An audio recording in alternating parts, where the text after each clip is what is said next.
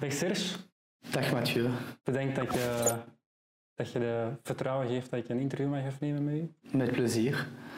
Ik, ehm, wat ik misschien wel kan doen voor de gemakkelijkheid is, van waar zouden we u kunnen herkennen? Of wie is eigenlijk uh, Serge uh, Frank? Goh, uh, ik ben nu de zaakvoerder van La Taqueria, Sumac en Fugu Sushi Bar in Antwerpen op het Zuid. Oké. En uh, hoe is eigenlijk die passie juist ontstaan voor die horeca? Of hoe ben je ooit eigenlijk op dit punt uh, gekomen? Goh, dat is, uh, ik doe dat al heel lang, sinds mijn vijftiende. Ik denk mijn eerste job was een red flower op het brand. met een strikje, debardeurtje en serveren van rechts en tafeltjes opdienen en, en champagne serveren enzovoort. Ja, mijn eerste job. Oké. En hoe je dan uiteindelijk tot, uh, tot hier gekomen? Dan, uh... Uh, um, ja, ik was niet zo goed op school. Um, ik heb mijn school niet afgedaan. en dan ben ik rond mijn 18, 18,5 naar Israël vertrokken. En dat was de bedoeling om naar de kibbutz te gaan voor een zomer. Uh, voor behandelingen ten eerste, ten tweede om iets anders te zien dan Antwerpen. En uh, ik ben nooit aan de kibbutz geraakt. En ik heb daar een job uh, in de Tel Aviv Harbor, daar in de, in de Horeca, en dat kon ik doen. En ik vond het zo leuk dat ik na drie weken heb ik mijn mama opgebeld en gezegd, mama ik blijf hier minimum een, een jaar. voilà. En dan, ja, ik heb verschillende jobs gedaan. Ik was op mijn eerste, ik was onafhankelijk ook, uh, ja, op mezelf. En um, ja, ben ik uiteindelijk anderhalf jaar gebleven in Tel Aviv. Dan heb ik een opportuniteit gehad om naar Londen te vertrekken. Uh, daar is het heel hard tegengeslagen eigenlijk. En heb ik weer al een job gevonden. Dat was, ik ging voor verkoop en uiteindelijk ben ik toch in een hotel in de restaurant, een één ster Michelin restaurant in Londen terechtgekomen. Met chance en door een grote mond te hebben een beetje. Ik ben er binnen geraakt en ik heb dat twee, drie maanden volgehouden. Dat was het ook niet. Dan ben ik terug naar huis gegaan. En dan was ik twee weken thuis. Heb ik gezegd, oké mama, ik blijf hier niet. Ik was terug weg naar Israël. Een jaar, terug horeca, voor een bak restaurants.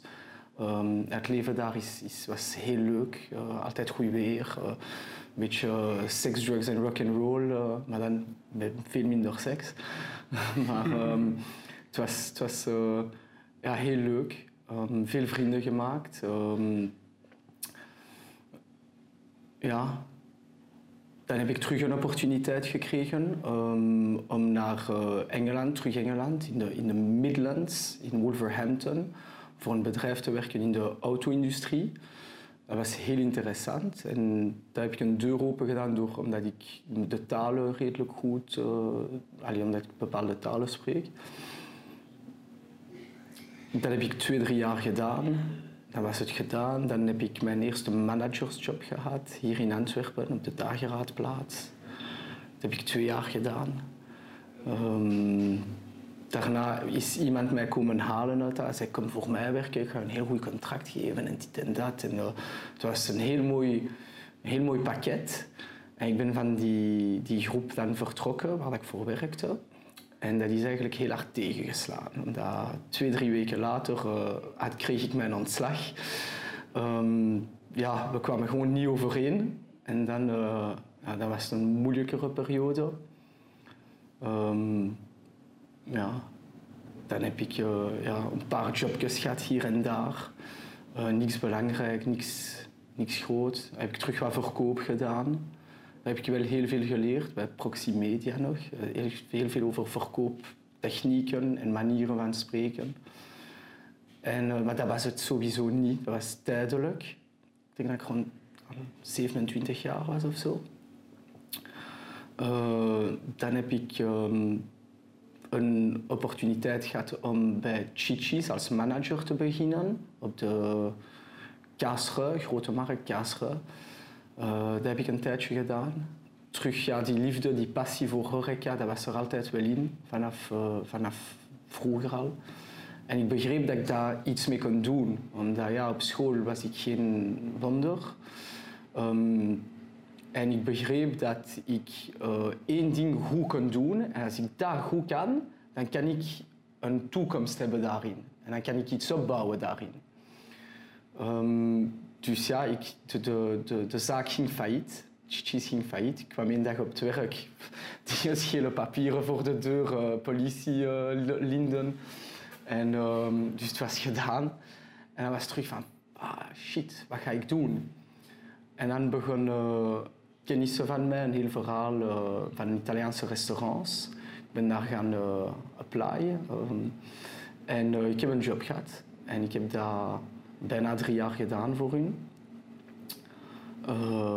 ja, en dan, ja, het was... Het ging moeizaam op het einde. Um, en ik was in contact met mijn, nu, wie nu mijn vernoot is, Rafael. En we, begonnen, we kennen elkaar al twintig jaar ook. Uh, hij, begon een restaurant, hij was een restaurant begonnen, Soum Soum. Uh, we, pra we, praten dan veel, want hij, had minder horeca-ervaring. Um, dus we waren veel aan het praten. En op een dag, november, drie jaar geleden, uh, krijg ik een bericht van hem van we moeten praten, er is een opportuniteit. En uh, voilà, we zijn ervoor gegaan. En uh, ik heb dan mijn aanslag gegeven. Ik heb nog een paar maanden uitgewerkt. En dan ben ik echt voor mezelf begonnen, meer af. Okay. Zo ben ik er geraakt. En hoe is dan juist uh, ja, de verstandhouding tussen u en Rafael?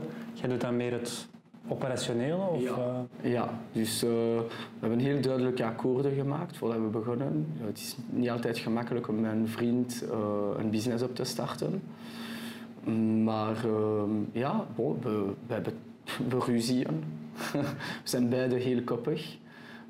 maar we hebben ook heel veel humor en we hebben heel veel goede momenten. En we begrijpen dat we have to do the work.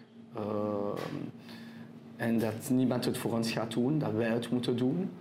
En dus uh, ja, soms zijn er fricties, soms zijn er goede momenten, maar ja, dat is, uh, zo marcheert dat. Okay. Voorlopig gaat het, ik zou zeggen, redelijk goed. en wat is er dan, je staat al een heel leven lang eigenlijk in die horeca, wat is er dan net zo, wat maakt de horeca dan voor u net zo aantrekkelijk? Wat vind je dan echt zo leuk aan die, aan die horeca?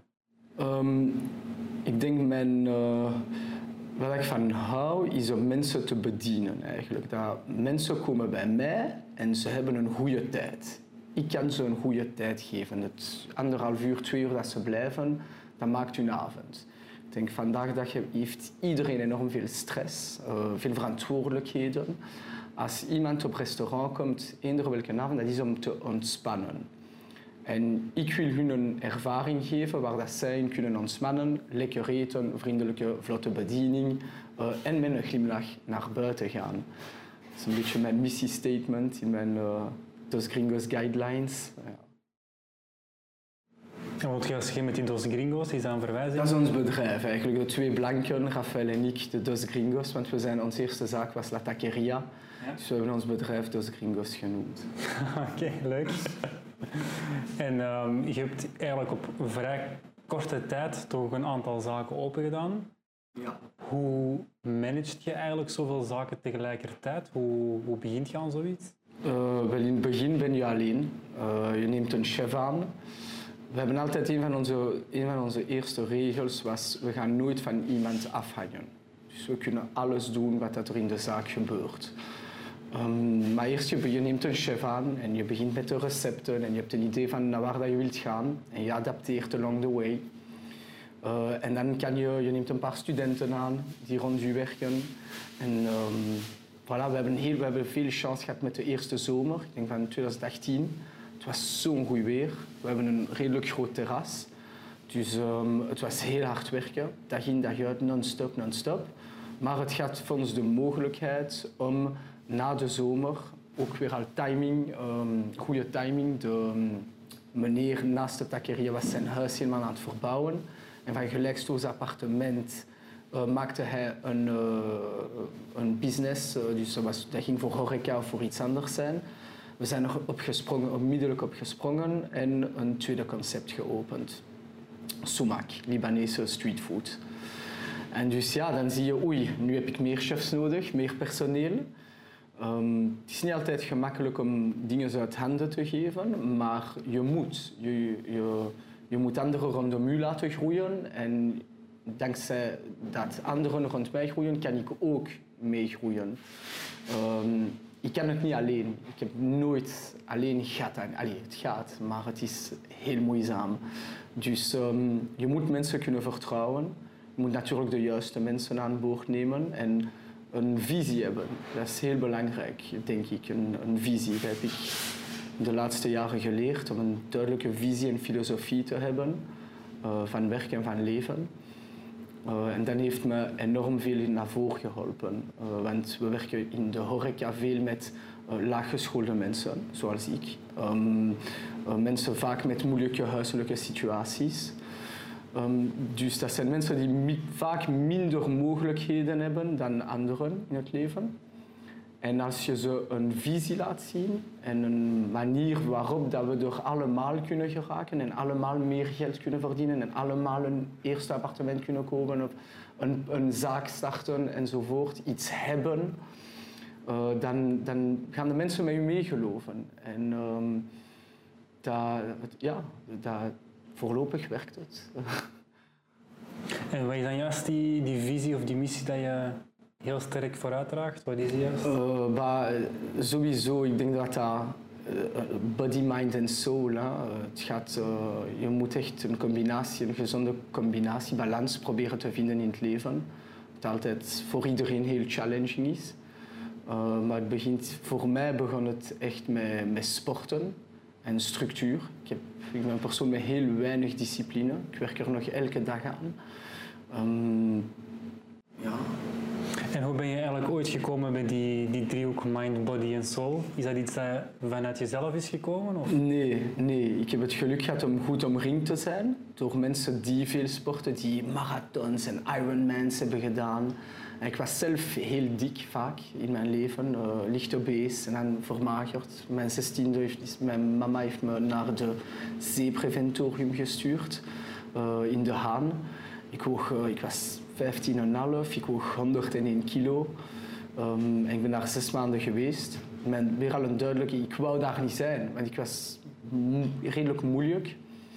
En, maar ik wist, oké, ik ga om te vermageren. Dus in plaats van daar 11 maanden, 12 maanden te blijven, ik in zes maanden pff, alles gegeven, 25 kilo vermagerd. Um, en dan uh, ja, was ik er weg. Um, dus uh, ik, heb daar, ik, heb, ik heb daar heel veel geleerd om mijn gewicht te behouden en structuur te hebben in mijn leven. En dan met bepaalde momenten, ja, in moeilijke momenten vaak, uh, verlies je de structuur, verlies je jezelf weer al. Bij mij zijn de kilo's die terugkomen. Um, en, uh, en dan ja, heb ik veel minder energie, um, ben ik veel minder scherp. En ook, ik ben dan, um, uh, hoe zeg je dat, slecht in mijn vel. Ik heb heel weinig zelfvertrouwen.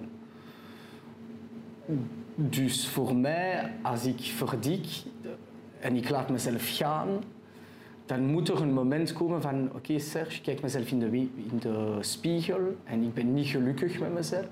En ik zeg, ik moet verandering hebben. En mijn eerste stap is get my ass to the gym. Dat is de, de eerste stap voor mij. En uh, dus ja, ik ben in mijn leven ja, twee, drie keer zo tot rond de 95, 100 kilo gegaan en terug toch 10 kilo, 15 kilo, 20 kilo vermagerd. Um, ja, uh, daarna dus, ja, dus voor 2018, voordat ik, uh, nee, na, nadat ik begon, nee, 2019, vorig jaar dus. Ik kwam uit een lange relatie ook. Ik was mezelf weer al verloren. Ik wist niet hoe waar. Ik heb weinig energie, weinig zin. Um, en terug, ik heb mij juist to the gym. En uh, dan begon het. En dan de eerste twee maanden. En ik ging intens aan. Drie, ik begon ook eerst opbouwen, maar dan drie, vier, vijf keer per week. Maar ik vermager niet. Ja, twee maanden, uh, zoveel efforts en niks weg. Ik zeg, maar ik heb een wat is dat hier? En dan heb ik um, via een trainer van die gym het KPNI uh, leren kennen, dat jij al geïnterviewd hebt, en dat bij Wouter. En hij heeft me, well, heeft mij toch nog echt geïnspireerd. Um, hun, manier van aanpak is ongelooflijk. Um, uh, ja, hij heeft me ook heel veel geholpen met mijn voeding. En ik heb al meer dan 20 jaar psoriasis, redelijk erg. Um, en hij heeft me een manier laten zien waar ik mijn psoriasis redelijk onder controle kan houden door middel van voeding. Ik heb daarvoor een boek gelezen die mij enorm ja, die mij de weg heeft laten zien. En sinds dat ik dat doe, ja, het heeft drie weken geduurd, dus we hebben geen idee hoeveel dat suiker, granen, gemodifieerde granen en zo weer, hoeveel invloed dat, dat heeft op ons lichaam, op onze geest. Wanneer dat je daarmee stopt, ik, ik ben al een redelijk nerveus type. Um, ik was zo. Uh, gedurende drie weken, één uur s morgens in mijn bed, ik probeer een boek te lezen, ik ben zo. Dat is... En na drie weken pas, helemaal afgekikt van de suiker en de granen, ja, het is bijna een nieuwe wereld. Een nieuwe man, um, vol kracht, energie, explosiviteit, scherpte.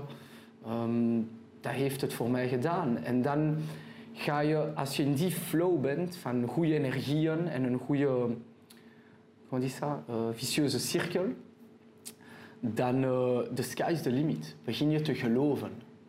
En dan geloof je in jezelf. En dan heb je deze uh, positieve energie reflecteerd op anderen.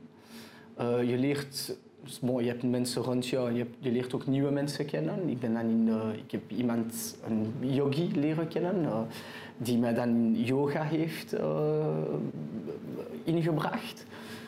Ik bedoel, vroeger we zeggen, yoga, ja, dat is, dat is voor vrouwen of dat is niks voor mij. Maar één keer dat je erin bent, ik kan u zeggen, het is voor iedereen. Het is, uh, iets, uh, het is ongelooflijk. Soms, heel vaak, vergeten we te ademen in onze dag. We zijn en dit en dat en dat en oh, telefoon en drukken en het stopt niet. En je vergeet gewoon te ademen in je dag. Wanneer je terug begint te ademen, ja, het brengt je veel meer rust, kalmte. Uh, ja. Oké. Je bent helemaal uh, getransformeerd als... Uh... Toch, ja, ja. Ik was niet altijd zo. Totaal niet. En is dat pas het laatste jaar echt dat... De laatste twee jaar zou ik zeggen. Anderhalf jaar, ja. Okay. ja. Nu, je hebt ook heel veel um, verschillende soorten van keukens in je zaak. Je hebt in met sushi, sushi liever, um, ja. Libanees, Mexicaan. Um, van waar komen die invloeden? Of van waar heb je ook beslist van ja, ik ga bijvoorbeeld geen burgerzaak openen of, of een Italiaan? Ja. Er zijn er wel heel veel in Antwerpen natuurlijk, maar... Uh... Wel, juist daarom. Juist daarom. Uh, mijn vernoot en ik, we hebben... Zoals ik zei, ik was toch 2,5 jaar in Israël. Ik heb een beetje gereisd. Mijn vernoot ook heel veel gereisd. En wanneer we samen de handen in elkaar hebben gestoken, hebben we gezegd, kijk, wanneer we beginnen, we gaan niks doen dat er al is. Ik bedoel, er zijn... Uh, 25, 25 uh, pizzazaken voor ons. Ja, we gaan niet nog een pizza maken, we gaan niet nog een brasserie maken. We niks tegen, ik hou heel veel van al dat eten. Maar we gaan gewoon anders zijn. We hadden de Marnixplaats hier, een, mooie locatie. Met de Baron uh, aan de overkant, die heel veel volk aantrekt. Dus we wilden sowieso streetfood aanbieden, iets dat er nog niet is in Antwerpen en iets dat heel snel want we hebben een kleine zaak, maar waar kunnen we nog gaan verkopen? Dat zijn aan de cafés aan de overkant. En dat is een win-win situatie. Want als de mensen blijven, kunnen blijven eten, dan gaan ze meer blijven drinken. Dus dat is een logische kleine partnership. Uh, en dan uh, mijn vernoot zei, ja, taco's, hè. er zijn geen goede taco's in Antwerpen, hè. Dat we weten. En uh, ja, zo is het begonnen het taco-verhaal. En het paste ook perfect, echt, denk ik, hier in de, op de Marnixplaats. Ja? ja? Ja, ik ben zelf ook van, uh, van uh, de Karel Gierstraat, dus dat is niet zo ver natuurlijk. Dus voor mij is het ook ideaal om, uh, om zoveel verschillende eetgelegenheden op één plek te hebben eigenlijk. Ja. Dat is wel handig. Ja. Maar dan zit je eigenlijk ook altijd wel positief onthaald geweest, zeg maar, door de drink- en food gemeenschap die hier heerst. Het is wel altijd dat je een warm een warme welkom gehad? Ik denk het wel. Okay. Um, ik denk dat ik heel... Ook, ik ben vriendelijk, um, beleefd. Dus weet je, geef respect en je krijgt respect terug.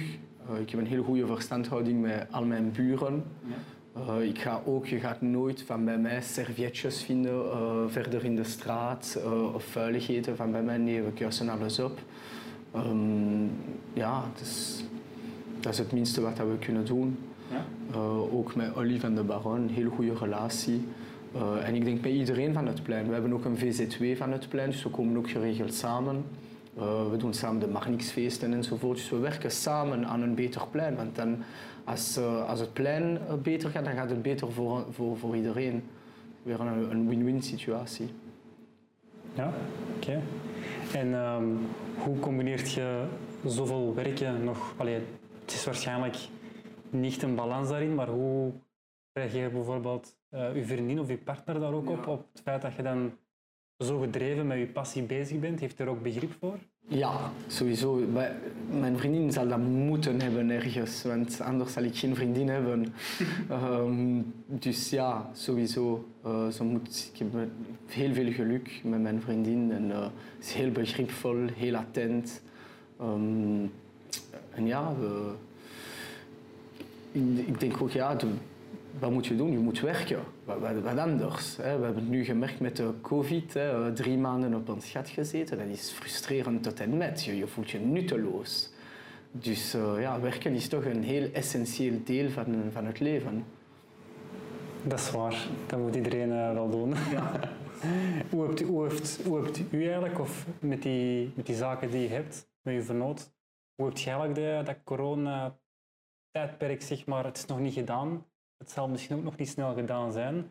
Maar die drie maanden, hoe heb je dat zelf uh, ervaren? Heel moeilijk. Voor mezelf uh, was het heel moeilijk. Uh, mentaal. Eh, ook ik ben I'm a creature of habit, dus ik heb mijn routines nodig. de COVID, ja, routine in de prullenbak, ja, dat, is, gedaan. dus ja, we spreken over de coronakilo's en en, al die dingen. Ja, ik, heb, ik heb doelen. En die doelen, ja, je kan er niks mee doen tijdens de corona. Je zit op je gat, is heel moeilijk. Dus vanaf de eerste dag dat we wisten dat we moesten sluiten, hebben wij onmiddellijk gezegd, Sumac blijft open voor takeaway 7 op 7. We wisten dat de mensen voor de eerste week vol een bak eten hadden in huis, maar dat maakt niet uit, wij zijn open. En we gaan, we gaan het voelen, wat één keer dat ze geen eten niet meer, ze zijn het beu om te koken thuis, dan gaat het beginnen draaien. En dat was een goede keuze. Uh, na drie, vier weken hebben we gekozen om uh, Fugu Sushi Bar, wat dat we eigenlijk bijna geen takeaway deden. We hebben toch gezegd van kijk, we gaan ons concentreren op drie dagen, vrijdag, zaterdag, zondag. En we gaan vol een bak uh, op social media zeggen wij zijn open van vrijdag tot zondag. En dan zijn we open. Dus ik elke, elk weekend, vrijdag, zaterdag, zondag, sushi rollen, voorbereidingen, rijstbakken, alles wat er nodig is, de hele shift doen in de keuken en takeaway. Ja. En dus ook besparen natuurlijk. Elk uur dat ik werk is, is een personeelsteam dat, dat ik minder nodig heb. Dus um, zo hebben we dat gedaan. En uh, ik denk dat het feit dat de mensen bij ons wekelijks of twee wekelijks, maakt niet uit, bij ons konden uh, bestellen.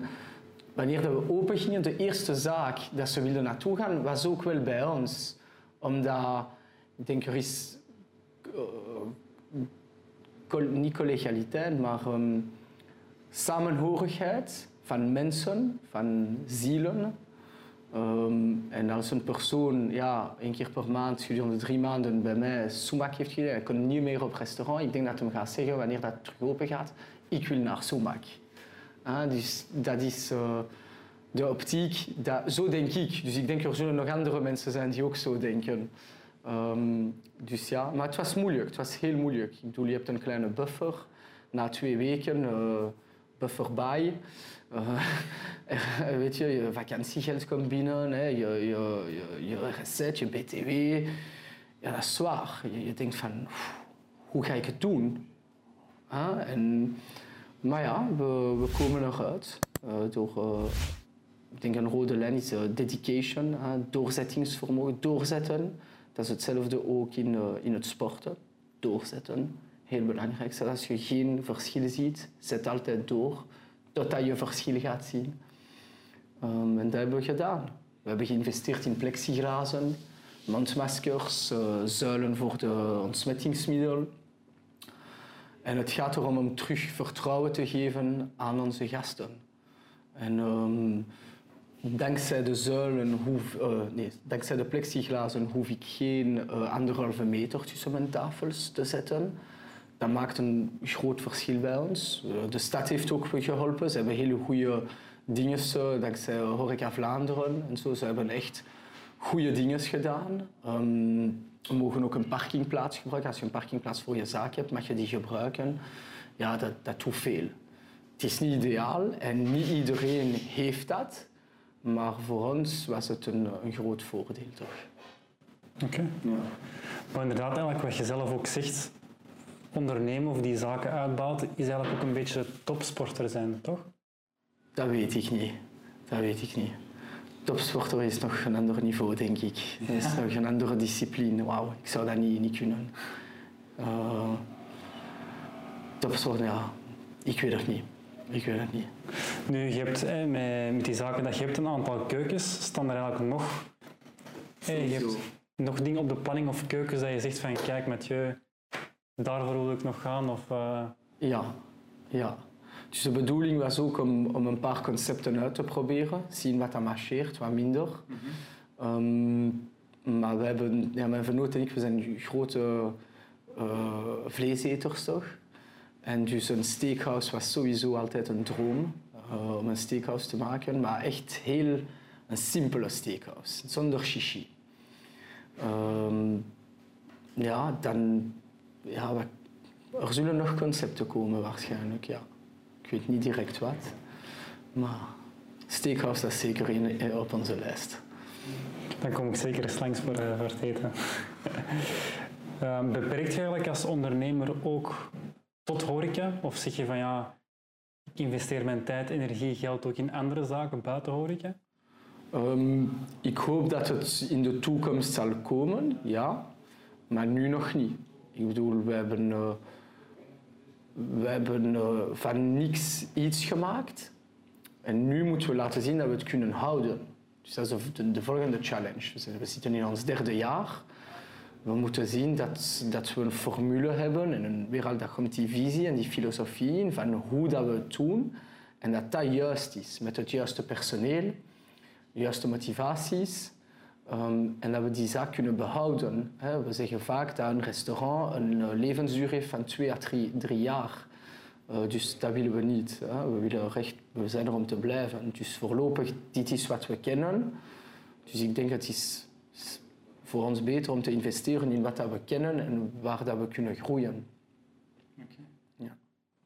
En wat is nu eigenlijk zeg maar zo, niet de secret sauce, maar wat is eigenlijk zo de formule geweest of wat is eigenlijk de doorslaggevende factor geweest dat je nu toch ook zoveel zeg maar, succes boekt? Of zoveel... Um... Ik denk organisatie. Uh, ik heb ook een heel goede vernoot. Uh, heel capabel. Echt, um, en dus uh, hij, pusht mij constant.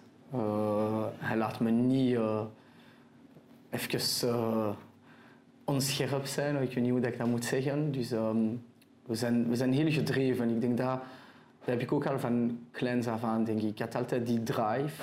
Iedereen zei tegen mij, ja, Serge, je moet een diploma halen, je moet je NIF doen, uh, anders ga je niks hebben later, anders ga je, ga je je leven verspelen. En ik heb altijd gezegd van 14, 15 jaar, ik zei van ik zelf zonder diploma, ik ga het maken, ik ga het maken. Uh, um, dus die, die gedrevenheid, ik heb het nog niet gemaakt, hè, pas op, maar um, verre van. Maar die, drive, dat zat er wel al in. En van waar denk je dan dat die drive of die gedrevenheid net vandaan kwam bij u? Want ik veronderstel dat zo'n eigenschap niet aangeboren is, maar dat je dat effectief wel je kunt aanleren om zo gedreven te zijn. Ik weet niet, ik heb, al, ik heb sinds mijn elfde psoriasis, een huidziekte. En vanaf mijn, na twee, drie jaar was heel mijn lichaam vol. Um, ik ging van dermatoloog naar dermatoloog, naar professor. Naar... En iedereen had de laatste crème, de laatste behandeling, de dingen. Niemand kon me helpen. Dus ik had iets van, bon, ten eerste je vraagt je af waarom ik. Want niemand heeft het rondom je en, en je zit daar en ik zat echt 85, 90 procent van mijn lichaam was vol. Dus al s morgens vroeg, na, ik, ik moest me, mijn huid helemaal uh, insmeren. Uh, wanneer ik s morgens uh, ontwaar, allee, wakker werd, mijn lichaam, alles was droog. Ik kon niet bewegen. Mijn, mijn moeder kwam dan in mijn bed mij insmeren, zodat ik gewoon uit bed kon geraken. Anders ging het niet. Mijn huid barstte gewoon helemaal. Dus ik had altijd een feeling van, ik was een beetje onbegrepen. Niemand kon me helpen. Iedereen zei, je moet naar school, je moet je huiswerk doen, je moet luisteren in de klas, je moet dit, je moet dat en je moet dat. En ik zeg, maar oké, ik vraag maar één ding. Help mij met mijn, met mijn huid. En niemand kon me helpen. Dus ik zei, ja, als jullie mij niet helpen, ik help jullie ook niet, ik doe niet. Dus ik was al heel moeilijk. Uh, probleemkind. Mijn mama heeft veel afgezien met mij. Um, en dus ik denk dat dat van daar komt. Van ergens van, ik moet mij ergens uh, bewijzen aan mezelf. En ik kan niet heel mijn leven de slachtoffer spelen. Um, op een moment moest ik mij, ja, herpakken, zal ik zeggen. Natuurlijk ook de wetenschap, geneeskunde. Zij heeft in 20 jaar ik bedoel, zoveel stappen naar voren gedaan. Het is onwaarschijnlijk wat dat ze nu kunnen doen tegenover 20 jaar geleden. 20 jaar geleden wisten ze amper wat psoriasis was.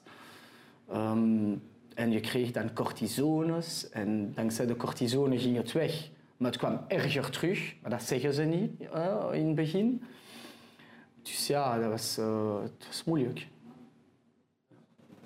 En wat heeft dat nu als mens gedaan dat je eigenlijk zoveel keer in je jeugd je niet begrepen voelde of je niet, niet uh, ja, verstaanbaar voelde? Omdat je zei van ja, ik voelde ook heel hard, met mijn moeder of met andere mensen, dat er, je er een oplossing voor, maar je vond die je kon nergens niet terecht.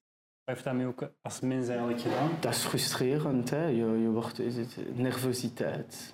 Uh, ik, ik, kan niet zeggen ongelukkigheid, want ik was niet ongelukkig. Ik heb alles gehad dat ik moest hebben.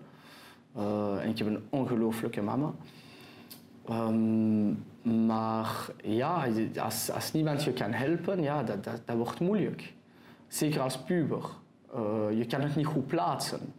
Je kan gepest worden en, en en, en, het is niet leuk. Ik zat mezelf, ik was in de klaslokaal en ik was mezelf gewoon te krabben de hele dag. Met overal schilfertjes rond mijn eh, bank. Ja, je bent, uh, dat is ambetant. Ja. Um, ik ging dan naar verschillende psychologen. Die konden mij niet helpen. Uh, dan heb ik een psychiater gezien, een kinderpsychiater, en die heeft mij wel heel goed geholpen. Maar ik kan me niet zoveel herinneren, denk ik. Ik kan, niet, ik kan geen, niet in detail gaan. Maar het heeft me geholpen om mezelf beter te vinden. En het, ik had niet zoveel persoonlijkheid, nog uh, karakter. Um, en wanneer ik naar Israël vertrok, rond mijn 18,5, daar in die twee eerste jaren heb ik echt mijn karakter, mijn persoonlijkheid laten... Uh, dan is het wat gekomen. Ik was altijd wel een laadbloeier. Wel. Uh, en hoe is die relatie eigenlijk nu met mama? Omdat je zegt van ja, vroeger was ik een probleemkind. Ik veronderstel dat die relatie dan toch niet altijd even optimaal is geweest. Um, nee, als ik een tiener was, was het heel moeilijk. Omdat ja, ik was heel hard op mijn eigen. Um, en het was, ja, leave me alone, just leave me. I'll handle my own shit. Um, Laisse-moi tranquille. Dat was, dat was mijn zin. Laisse-moi tranquille. Maar dan, wanneer ik naar Israël vertrok eigenlijk, het feit dat ik uh, afstand had, zijn we heel close beginnen worden. En konden we dan uren aan de telefoon praten, bijvoorbeeld. Uh, dus en nu, ja, ik heb een heel goede relatie uh, met mijn mama. Ja. Oké. Okay. Je hoort zelf ook aan je stem dat je heel goed Franstalig bent ook. Ja. Komt dat omdat je zelf ook nog in andere delen dan Antwerpen hebt gewoond of geleefd? Of, uh... Ik ben geboren en getogen in Antwerpen. Okay. Uh, Franstalig opgevoed, van Joodse afkomst. Um, en op de Joodse school gezeten, op mijn twaalfde. Ben ik, hebben ze gezegd, het is beter dat hij van hier vertrekt. Uh, ik was zo moeilijk dat mijn mama me in, op het internaat heeft gezet, in Keerbergen. Dan ben ik ook buiten gevlogen, omdat ik moeilijk was. Dan was het uh, dingen van Braschaat.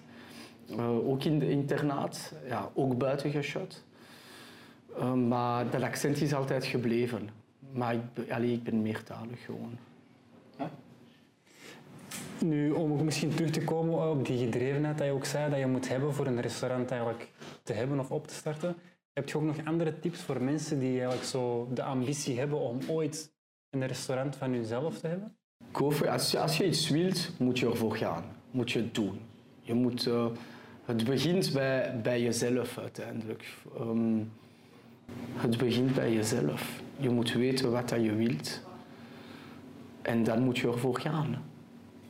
En alles is mogelijk. Echt alles is mogelijk.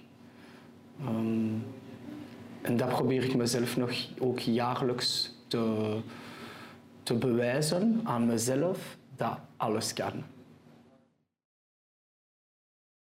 Dat is een mooie, mooie zin, vind ik. Bereik dat, dat je alles kan bereiken, dat is mooi gezegd.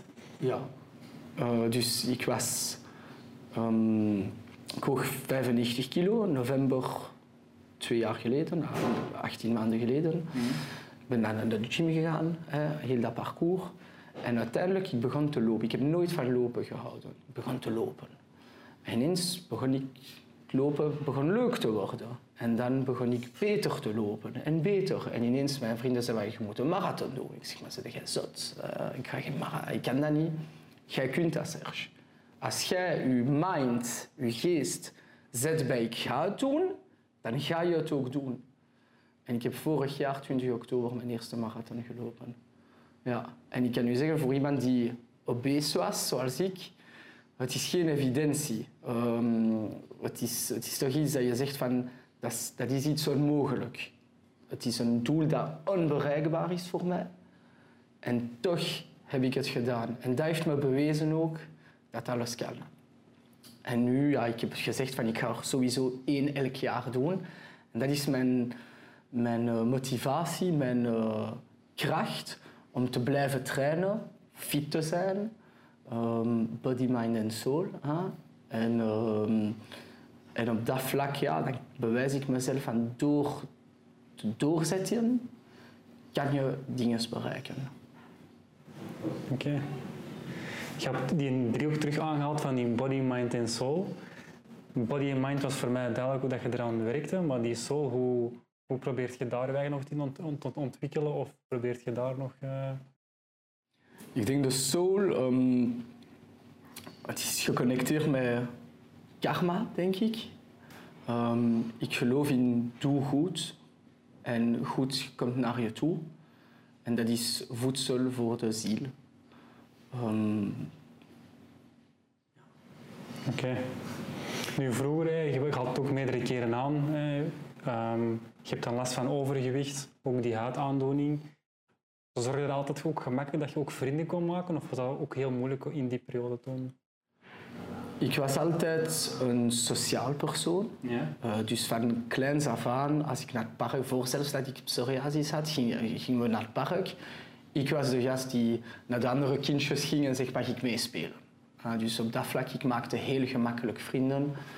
Um, ik heb toch goede vrienden. Ik heb mijn beste vriend. We zijn nu, ja, we zijn, dus ik ben 35, we zijn 32 jaar beste vrienden. Nooit is er iets tussen gekomen. Altijd zo geweest. Hij was nog gisteravond bij mij. Dus uh, we, we, zijn altijd in contact gebleven. Hij is gaan studeren in de Verenigde Staten. Ik was in, in Israël. Uh, daarna was op projecten in Afrika en, enzovoort. We hebben elkaar altijd teruggevonden. Constant, we praten ja, dagelijks. Constant. Dus uh, aan vrienden, ik heb goede vrienden. Uh, mensen waar ik heel veel van hou. En ik weet dat ik, uh, ik denk dat ik ook geliefd ben. Ja. Bij, ja. Merk je dan ook heel hard bijvoorbeeld, nu dat je ook succes geboekt hebt, of nog altijd hebt, dat er ook mensen die dat je misschien vroeger minder zag, of niet echt mee overeenkomt, dat die nu meer geneigd zijn met te willen kennen omdat je net dat succes hebt geboekt of niet zozeer? Nee, nee. Ik ben heel cash als persoon, ja. weinig filter. Ja. Dus voilà, als, het, als de mensen oké okay zijn in mijn gezicht, dan, eh, dan is het ja. Nee, dat is niet juist wat ik zeg. Ja? Uh, ik heb niet speciaal het gevoel dat er mensen zijn uh, in mijn inner circle die Omdat ik, ik ben nog niet succesvol, hè, by the way. We hebben nog niets, we zijn drie jaar bezig. Dus dat gevoel heb ik niet. Ja, succes is uiteindelijk ook iets dat je voor jezelf moet opmaken. Wat betekent succes uiteraard zelf? Dus, uh... Inderdaad, inderdaad. Uh, voor mij is succes, dat is uh, in verschillende sectoren, zou ik zeggen. Je hebt succes in de, ja, een gelukkige relatie, een gelukkige relatie zijn. een stabiele financiële um, hoe zeg je dat? Financiële situatie. Een, een, business hebben, iets, iets doen waar dat je van houdt. Dat is heel belangrijk. Er zijn mensen die 50 jaar aan een stuk dingen iets doen dat ze niet, niet van houden. Dat is erg. Um, soms is het van moeten, ze hebben niet altijd de keuze. Uh, maar bij mij, ik doe iets waar dat ik van hou. Um, dus ja, voorlopig kan ik zeggen, op dit moment in mijn leven ben ik in eh, de aspecten van het leven die belangrijk zijn voor mij, succesvol in mijn ogen. Nu, veel mensen gaan zeggen, ah, hij is succesvol of hij heeft drie zaken. Ik bedoel, mensen zien vaak het resultaat, maar niet de weg. Uh, ik denk dat je daar ook over kan praten. Uh, en ik, ik, zie ook bijvoorbeeld mijn yogatrainer uh, ervoor. Je ziet zijn lichaam. Ik bedoel, wauw, het is ongelooflijk hoe dat hij afgetraind is en wat dat hem kan doen. En als ik hem bezig zie, ik zeg maar, dat is normaal. Een, lichaam van een mens kan dat doen. En dan zet ik mij in deze positie. En ik kan, amper, ik kan niet ademen, nog, nog in deze positie blijven. Dat is onmogelijk. En hij zegt, hij zegt altijd, ja, maar daarop, hè, op dat, daar heb twee jaar op getraind om daar te geraken. Ja, voilà. Je ziet niet de uren dat we hier zijn, elke ochtend dat we hier aankomen, de uren dat we vertrekken, de avonden, de feestjes dat ik mis, de diners dat ik mis, de familiemomenten dat ik mis, uh, om hier te zijn. Dus uh, vooral voor al het goede is ook een sacrifice. En um, ja, dat, dat is zo. Dat is normaal, denk ik. Ja, dat is iets vroeger dat ik zelf ook heel hard mee, kampte, is dat ik ook een bepaalde perceptie altijd had van ondernemers. Zoiets van, ja, maar die zullen het wel goed hebben, omdat ze een eigen zaak hebben. Maar een eigen zaak hebben hoeft niet per se te zeggen dat je gelukkig bent of succesvol bent ah, of genoeg geld verdient of weet ik veel. Helemaal niet, sowieso. Ik kan u zeggen, Raf en ik, we hebben ons nog tot nu toe, we zijn drie jaar bezig, we betalen ons geen uh, zotte lonen. We leven met een minimum, wat dat we nodig hebben, klaar. En de rest, we blijven investeren in het bedrijf om te groeien. Dus uh, je gaat me niet in discotheken zien, zal dat gaan met flessen champagne of zo. Uh, nee, uh, we gaan naar huis. we slapen en klaar voor de nieuwe dag. ja. Is dat ook nog mogelijk, omdat je, je, offert sacrifice heel veel op voor, voor je passie? Is het dan ook nog gemakkelijk om dat soms te combineren met andere hobby's of interesses dat je hebt? Zoals bijvoorbeeld die yoga of ja, weet ik veel. Ja, maar daar komt je routine in hè? En, en afspraken. Van oké, ik werk uh, vijf avonden per week in mijn zaak. Klaar. Twee avonden ben ik vrij. Elke ochtend, ik, we werken, onze zaken zijn s'avonds open. Ik morgens, ik ga sporten. Dat is mijn moment. Um, dus je kan altijd, je moet, je moet maar tijd maken uh, voor... Uh, voor wat dat belangrijk is voor jou. En als je nu s'avonds zelf thuis komt en je moet nog eten maken, sta jij dan in de keuken of is het eerder je partner die eh, eten heeft klaargemaakt? Maar we zijn juist samen verhuisd, dus er is nog geen ah. juiste regeling. Ehm, maar natuurlijk kan, ja, we gaan, ik denk niet dat we de kans gaan hebben om vaak samen te koken, uh, maar er zal wel altijd eten in huis zijn. Ja. Oké. Maar het is ook misschien vaak dat je dan ook nog laat avonden werkt, dat ook misschien in het restaurant zelf nog misschien iets kan Ja, ja, maar ik probeer ook niet meer zo laat te eten. Uh, gewoon ja, we worden wat ouder. Ik ben, je regeling in je lichaam is niet meer zoals als je 20, 25 bent. Um, dus het is, ja, uh, ik, ik eet rond 6, 7 uur, 8 uur. Oké, okay, als het niet een diner is, eh, is het wel later, maar ik probeer dan uh, toch niet meer te eten na, na 8 uur. Oké. Okay. Je bent ook gezegd, uh, ik ben een creature of habits. Wat voor routine heb je dan? Is dat dan s morgens, middags of is dat dan door heel de dag dat je echt een bepaalde routine hebt? Of? Ja, ja, dus uh, het begint echt wanneer ik wakker word, is direct sporten. Direct. Uh, of lopen of uh, krachttraining. En dan een koude douche. Heel belangrijk, die koude douche. En dan ga ik naar het bureau. En dan heb ik mijn to-do-list. Um, regelen we zoveel dingen. We hebben ondertussen een team van, van bijna 30 personen. Dus er is altijd wel iets.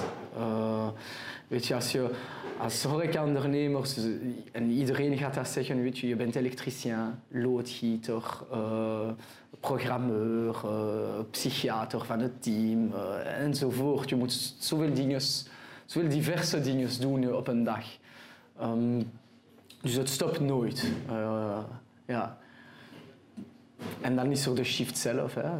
Van, van 6 tot 10 geven we de shift. Ja, de, klanten komen. Ik ben Antwerpenaar, ik woon heel mijn leven hier bijna. Um, ja, mensen hebben al een repère, kennen mij. Hè. Die, die daar met zijn Frans accent. Uh. ja, weet je, maar uiteindelijk als je, op restaurant gaat, wil je, wilt de, de, de, de, patroon zien. Je, wilt... Bezig zijn. Iedereen wil, iedereen wil aandacht. Uh, dat is wat we geven in de horeca. Aandacht aan onze gasten. Dus ja, het is altijd goed als ik er ben. Ik moet er zelfs niet altijd specifiek hard in werken, maar als ik passeer, goeiedag zeg, vragen als alles lekker is, dat, dat geeft die persoonlijke toets. En, en daar gaat het om. Een persoonlijk, je persoonlijke toets geven in je zaak, je, je handtekening. Dus uh, show that you care. Weet soms gaat er iets verkeerd. Soms is iets niet lekker. Over, uh, overbakken, uh, een cocktail dat slecht is gemaakt. Ja, als je er bent en je kunt er onmiddellijk iets aan doen, dat, dat geeft die, dat, dat extra vertrouwen dat ze volgende keer terug gaan komen. Want we, we hangen af van onze klanten. Hè. Zonder onze klanten heeft niemand een job. Dat is waar, dat klopt. En als je zelf eigenlijk Ga je ook vaak zelf nog buiten eten, zeg maar? Of ga je ook vaak op restaurantbezoek? Of? Weinig. Ik heb dat heel veel gedaan, vroeger, van mijn 25 tot, mijn, ja, tot een paar jaar geleden. Maar ook omdat ik bezig ben voor mijn huid, voor dat dieet, is het heel moeilijk voor mij. Dus ik moet alles, ik moet me voorbereiden. Zoals iemand die vegan is of lactose-intolerant, notenallergie, je moet je echt voorbereiden. Uh, dus dat geeft dat op restaurant, ga ik minder minder dan vroeger. En als je effectief op restaurant gaat, ga je dan echt naar de betere zaken, zeg maar? Of zeg je van ja, ik kan even hard genieten van bijvoorbeeld een steakhouse? Ja, ja nee, ik hou van alles. Ik ben een alleseter. Dus ja, dat eten is, is, ja, dat is binnen, dat is ook in de familie. Um, we zijn eters, allemaal grote eters. Uh, dus alle, ik eet alles. Dus ik geniet van, een, uh, van alle uh, nationaliteiten en culturen hun eten. Um, en ik geniet van het chique. Hè. Ik kan heel hard genieten van een ster Michelin. Maar ik geniet ook even goed van een, een kleine opening in de muur waar die een, die een goede burger maakt. dus ik, geniet van alles. Ik denk dat het, gaat over what's your mood. Waar heb je zin in? Hè? wil ik vanavond, ah, het is, lang geleden, ik wil eens goed gaan snijden, drie uur gaan zitten en een goede wijn. En, ja, dan ga ik naar een betere restaurant. Maar vaak is het, bon, ik heb honger, wat gaan we nu doen? Ah, achter de hoek is er een lekker broodje of een lekker dit. Uh, Oké, okay, laten we daar, daar even snel een snelle hap gaan doen. Dus ja, alles. Ja, klopt. Ik vind ook dat we in België wel heel verwend zijn qua uh, restaurants als je naar het buitenland gaat en je gaat daar eten, dan is dat toch nog vaak anders dan in België. Als je hier eigenlijk op de hoek van een straat naar een restaurant gaat, dan is de kwaliteit van het eten toch echt wel op een bepaald niveau, vind ik. Ja. Ja, je gastronomie in België is fantastisch. Is echt heel goed. Service wat minder, vaak. Je gaat naar Frankrijk, je zou denken, Frankrijk, in mijn ervaringen, uh, Frankrijk, fantastische gastronomie. Ik vind dat je minder goed eet in Frankrijk, maar ik vind de service ongelooflijk in Frankrijk, overal waar ik ga. Dus uh, een van ons, wat we ook dachten, van, je gaat naar Londen, naar Soho, je hebt daar duizend restaurants, je eet daar tussen 6 en 20 pond alles wat je wilt. Alles. Hier in Antwerpen, je gaat op restaurant. Het is moeilijk om onder de 50 euro te geraken per persoon. Het is echt moeilijk. Een fles wijn, een fles water, een, hoofdgerecht. En, en dan spreek je zelfs niet van een voorgerecht, een dessert en een, digestief, maar het, prijst heel gemakkelijk. Um, en bijvoorbeeld, je gaat naar Londen ja, met zoveel concepten, verschillende concepten. Je hebt daar, wat aan mij gemarkeerd was, een restaurant dat noemde Ducksoep. En wat dat ze verkochten was een ducksoep aan zes pond. En that's it, dat is het menu. En het is de hele dag boomvol. Je krijgt gewoon bam, één kom met een halve eend erop of een kwart eend. En, en dat is het eten. En that's it. Zes pond, klaar. Half uur binnen buiten. Dat misten we hier. En, uh, en daarom hebben we ook die kleine conceptjes gemaakt, denk ik, een, deel ervan. Dat we geven een ervaring op anderhalf uur tijd. Mensen vaak zeggen, ja, maar we mogen maar anderhalf uur aan tafel blijven. Ja, dat is het concept. Er is ook niet veel meer te doen. Ons concept is gebaseerd op een kleine kaart, snelle gerechten die snel uitkomen. Dus er is geen reden ook om bij ons 2,5 uur te blijven tafelen. Dat is niet wat dat de bedoeling is. De bedoeling is snel. Uh, ja, en goedkoop. Dus de gemiddelde ticket bij ons is tussen 25 en 40 euro. We hebben natuurlijk ook onze dingen, ah, we verkopen cocktails, we verkopen dit. En we hebben tactieken om het bedrag een beetje naar boven te halen. Maar het is niet het concept. Het concept is dat het is welkom voor iedereen. Oud en jong, arm en rijk, iedereen kan bij ons eten. Iedereen, je komt bij ons met een glas wijn en aubergine, 13 euro en je bent weg. Geen enkel probleem. En je hebt gegeten, hè? je zit vol met wat brood, je zit vol. Dus dat is onze optiek van onze filosofie van zaken te openen. dat is de niche waar we willen zijn, laten we zeggen. Ja. En hoe kijk je eigenlijk ook bijvoorbeeld naar het, naar het tipgegeven? Bijvoorbeeld in Amerika is er standaard een tip dat je moet geven als je iets gegeten hebt. Hoe vind je dat dat in België zou moeten zijn? Ben je ook tevreden met de huidige regeling? Of, uh... In Amerika worden de, de minimum betaald en van hun tip leven ze. Um, het is... Uh, horeca, wait, uh, is een van de jobs dat je in de hele wereld kan doen en je kan ervan leven. Plus je tip. Dus er zijn, het is gewoon een ander systeem in Amerika. In Israël hebben ze dat ook, 10% tip. Ik geef altijd tip. Uh, enkel als het zeer slecht zou moeten zijn, maar dat is nog niet gebeurd. Maar um, ik vind dat een waardering naar het werk van de mensen uh, die er werken, van de afwasser tot de kok, tot de, tot. Want hier, we verdelen door, door het hele team de tip.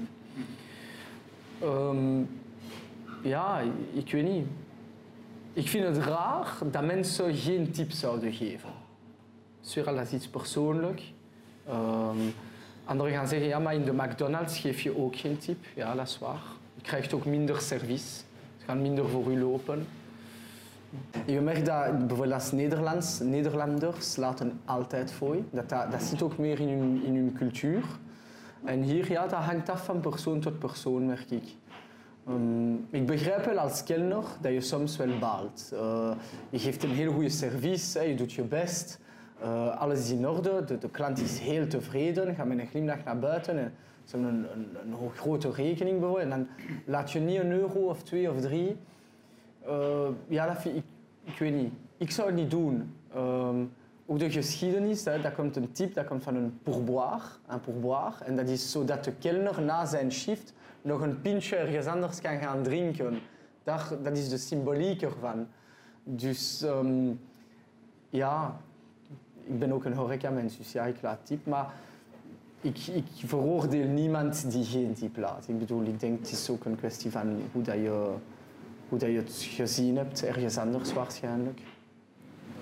Ja, ik ben ook van dezelfde mening. Ik probeer ook altijd wel echt een tip na te laten. Maar ook, en je, je snapt eigenlijk pas wat voor werk het eigenlijk is, garçon of meter of weet ik veel wat, als je het zelf eens gedaan hebt.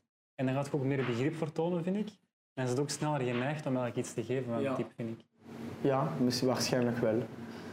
Nu, je, je hebt ook een aantal... Uh, je hebt een dieet waar je op moet letten, omdat je bepaalde dingen wilt vermijden ga je eigenlijk ooit denk een concept hebben waar dat mensen met intoleranties, allergie of andere terecht zouden kunnen komen? Of, uh...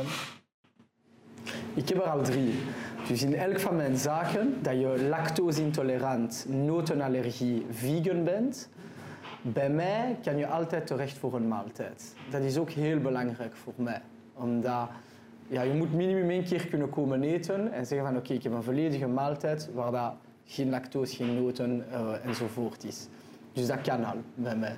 Tuurlijk, het is niet uh, onbeperkt.